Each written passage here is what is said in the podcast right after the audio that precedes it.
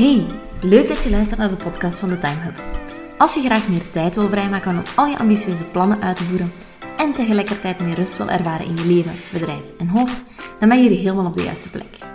Mijn naam is Ellen en al jaren doe ik onderzoek naar manieren die me helpen om tijd te winnen, productiever te worden en mijn wilde plannen met een gezonde portie rust te combineren. In deze podcast deel ik mijn bevindingen, tips en hacks en vooral ook het verhaal van mijn zoektocht naar meer tijd.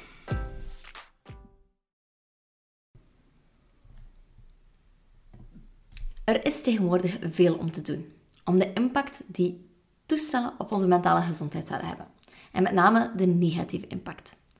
We zijn namelijk nooit meer offline. We vergelijken onszelf non-stop met de perfecte levens op sociale media.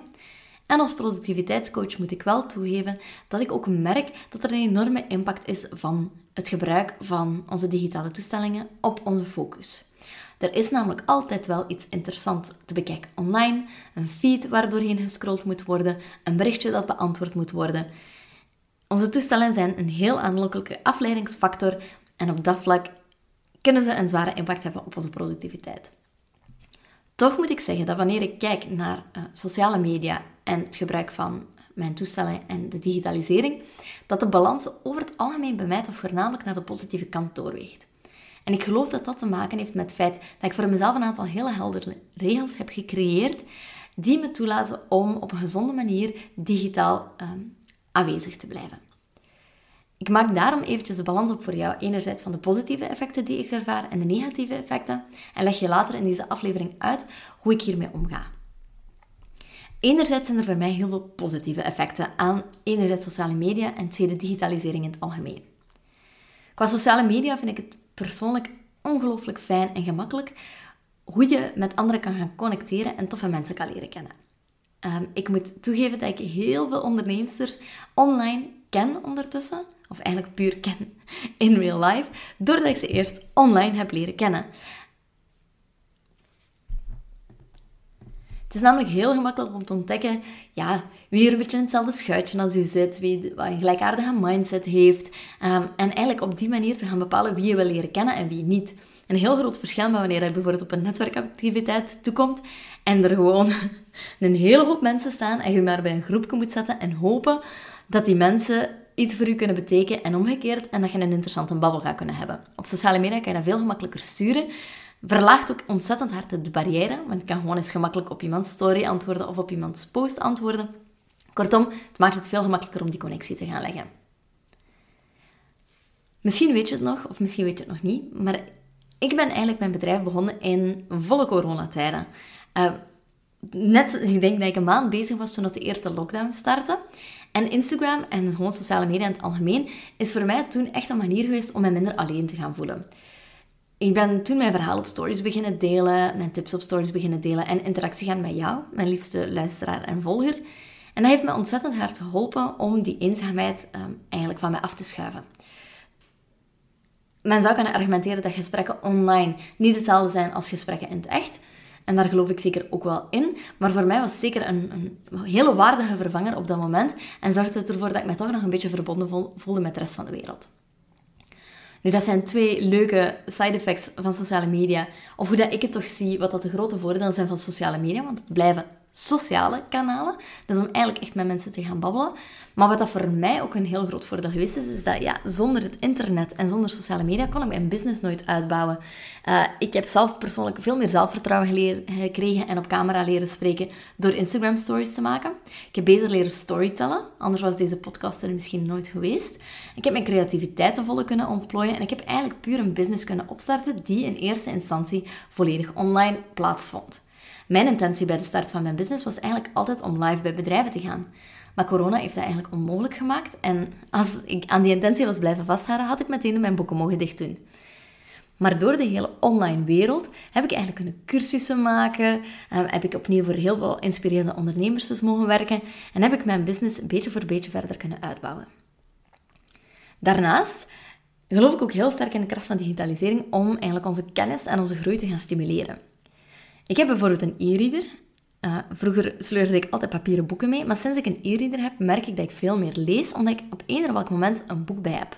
Op een doodmoment, wanneer ik op mijn bus aan het wachten ben, of wanneer dat ik um, een beetje te vroeg ben voor een meeting op locatie, kan ik eigenlijk op eender welk moment ofwel op mijn smartphone open doen en artikels lezen, ofwel mijn e-book open doen en een businessboek uh, verder verslinden.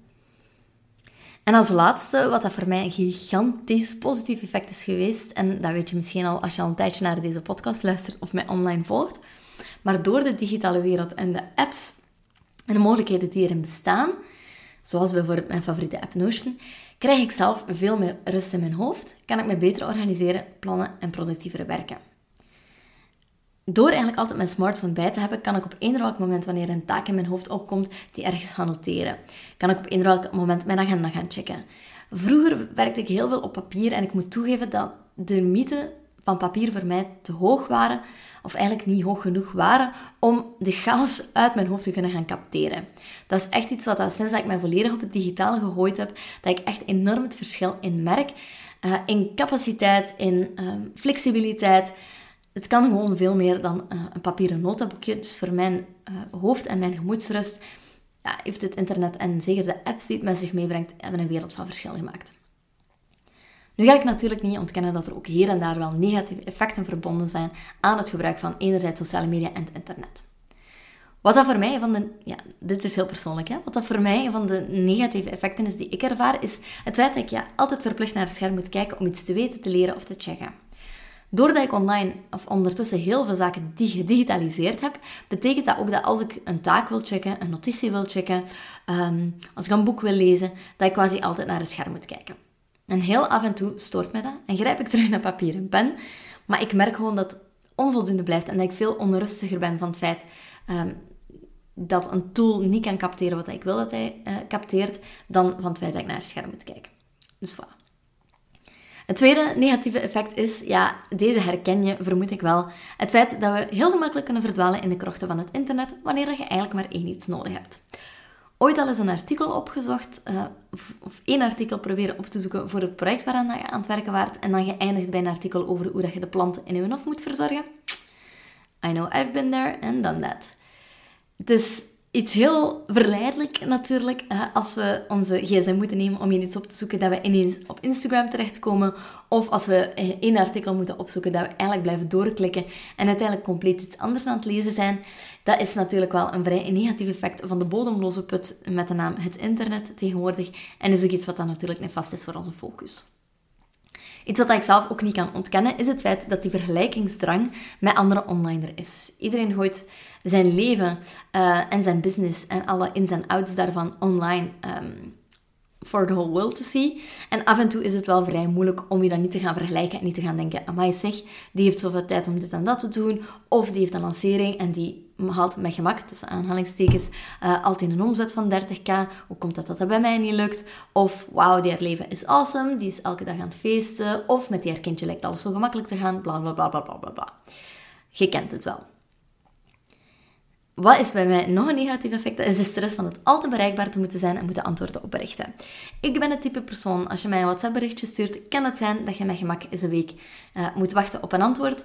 Omdat ik gewoon dat echt niet fijn vind dat ik uh, te pas en te onpas berichten binnenkrijg en daarvoor bereikbaar moet zijn. Dus dat is iets klassiek dat ik mijn notificaties voor uitstel of uitzet en dat ik wel naar kijk wanneer ik... Uh, ja, dat ik er naar wil kijken.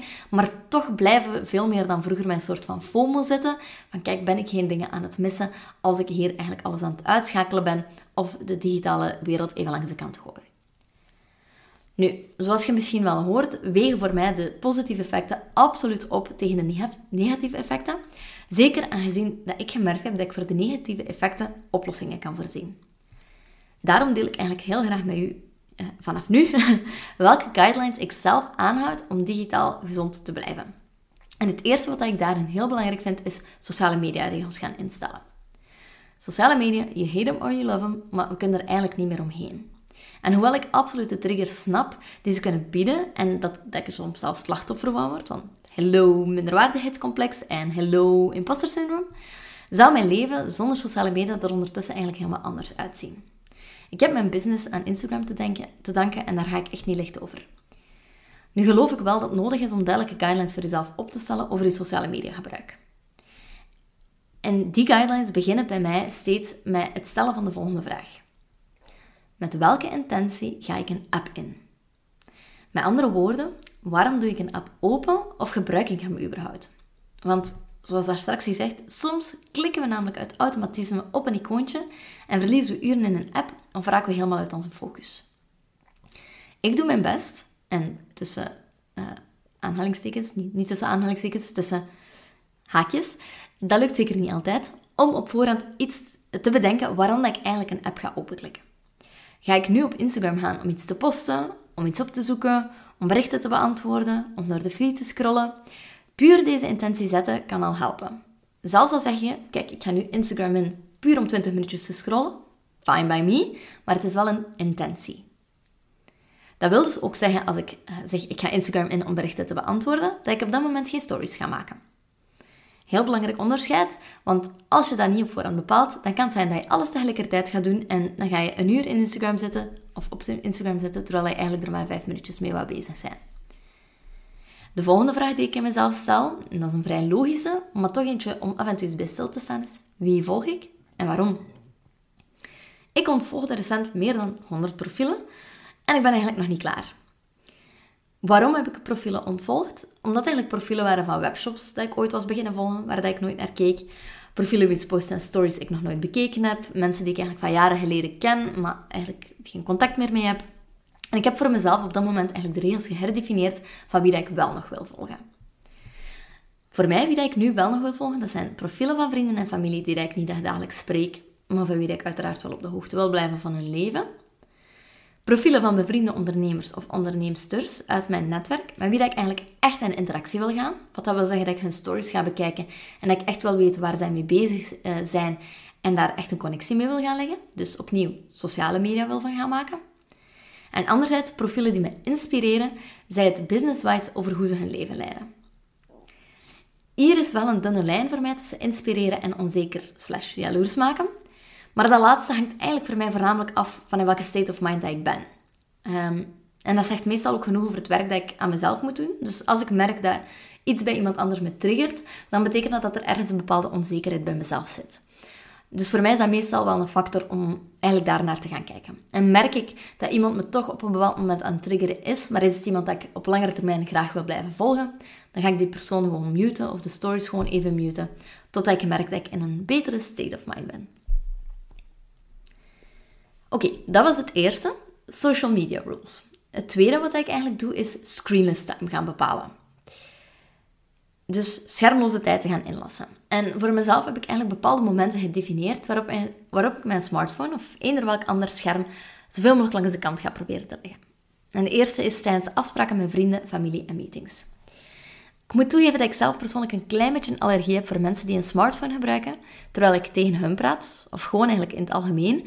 Ehm, als ik bijvoorbeeld op het restaurant ga en ik zie daar een koppel uh, gezellig iets samen zitten eten en alle twee naar een scherm zitten te kijken, mm, vind ik toch een beetje vreemd. En het kan zijn dat dat een momentopname is en dat dat iets is wat anders quasi nooit gebeurt, maar het is toch iets wat aan mij meestal opvalt. En persoonlijk ben ik ook van het principe om een ander te behandelen zoals ik zelf behandeld zou willen worden. Dus leg ik mijn apparatuur weg tijdens het gesprek. Mocht je mij er toch ooit op betrappen, dan mocht je mij gerust aanspreken. Daar heb ik geen enkel probleem mee. Een tweede moment waarop ik mijn smartphone of een ander toestel langs de kant leg, is tijdens het kijken naar series of films. Ga meteen eerlijk zijn, deze lukt me echt niet altijd. Maar als een serie of film ja, me echt interesseert en ik een hele leuke vind, dan probeer ik de one screen rule aan te houden. AKA, ik kijk maar naar één scherm tegelijkertijd.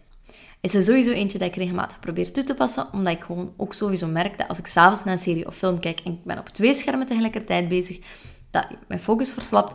Maar dat heeft ook een impact in, uh, of op uh, de kwaliteit van mijn slaap, bijvoorbeeld. De derde, het derde moment waarop ik eigenlijk mijn uh, schermen zoveel mogelijk probeer weg te leggen, is op zondagen. Het zijn meestal de dagen waarop ik ga wandelen, knutselen, lees, spelletjes speel met mijn man, uh, family time in plan. Dus het is voor mij niet bijster moeilijk om op deze dagen schermen langs de kant te gooien, maar ik probeer er wel alert op te zijn. Dus we hadden al social media rules en screenless time. En dan hebben we de derde tip die ik toepas en dat is shortcuts, shortcuts, shortcuts. Save the best for last. Waar ik de digitale wereld eigenlijk ontzettend dankbaar ben, uh, voor ben, zijn de apps die me toelaten rust in mijn hoofd te vinden. Denk aan Notion, Calm, een meditatie-app, Forest, dat eigenlijk een, uh, een focus timer is. Um, vind ik dat fantastisch. En ja, algemeen vind ik het internet uiteraard ook wauw, want hij heeft ervoor gezorgd dat ik de kennis heb kunnen opdoen om mijn eigen zaak te starten en expertise uit te bouwen en die expertise met jou te gaan delen. En deze zaken maken van mij een fan van all things digital, maar zonder te ontkennen dat er dus ook valkuilen zijn aan deze apps en het internet. Zoals al eerder aangehaald, merk ik dat van zodra ik iets in mijn agenda moet checken, ja, ik mijn smartphone nodig heb. Als ik iets aan mijn takenlijst wil droppen, zie ik ineens al mijn andere taken en krijg ik een stressje. Als ik um, een Facebook-community die ik heb, uh, Notion in het Nederlandse Facebook-community wil checken, dan moet ik wel mijn Notion feed passeren. Very, very dangerous. Misschien is dat herkenbaar voor u. Blijf dan vooral luisteren. Um, er is voor mij één iets wat al deze afleidingen eigenlijk enorm minimaliseert, en dat is het gebruik van shortcuts. Met andere woorden, ik probeer zo snel mogelijk ergens te geraken op het internet zonder dat ik al de rest zie. Er zijn drie verschillende manieren die ik gebruik om dit principe toe te passen. Ik leg ze eventjes toe. En de eerste is widgets. Op de meeste smartphones kan je tegenwoordig eigenlijk widgets installeren. En op de homepage van die van mij staan er ook widgets. En dat zijn kleine elementjes die je ja, op je scherm kan plaatsen.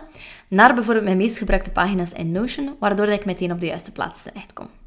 Dus als ik naar de takendatabase moet gaan in Notion, hoef ik maar op één knop te klikken en dan zie ik al de rest niet. Stel dat ik van een app geen widget heb, dan probeer ik eigenlijk via Apple's eigen opdrachten-app toch een workaround te voorzien. Zoek dat zeker eventjes op, dat is super handig. Uh, dat in het Engels noemt dat ook de app Shortcut.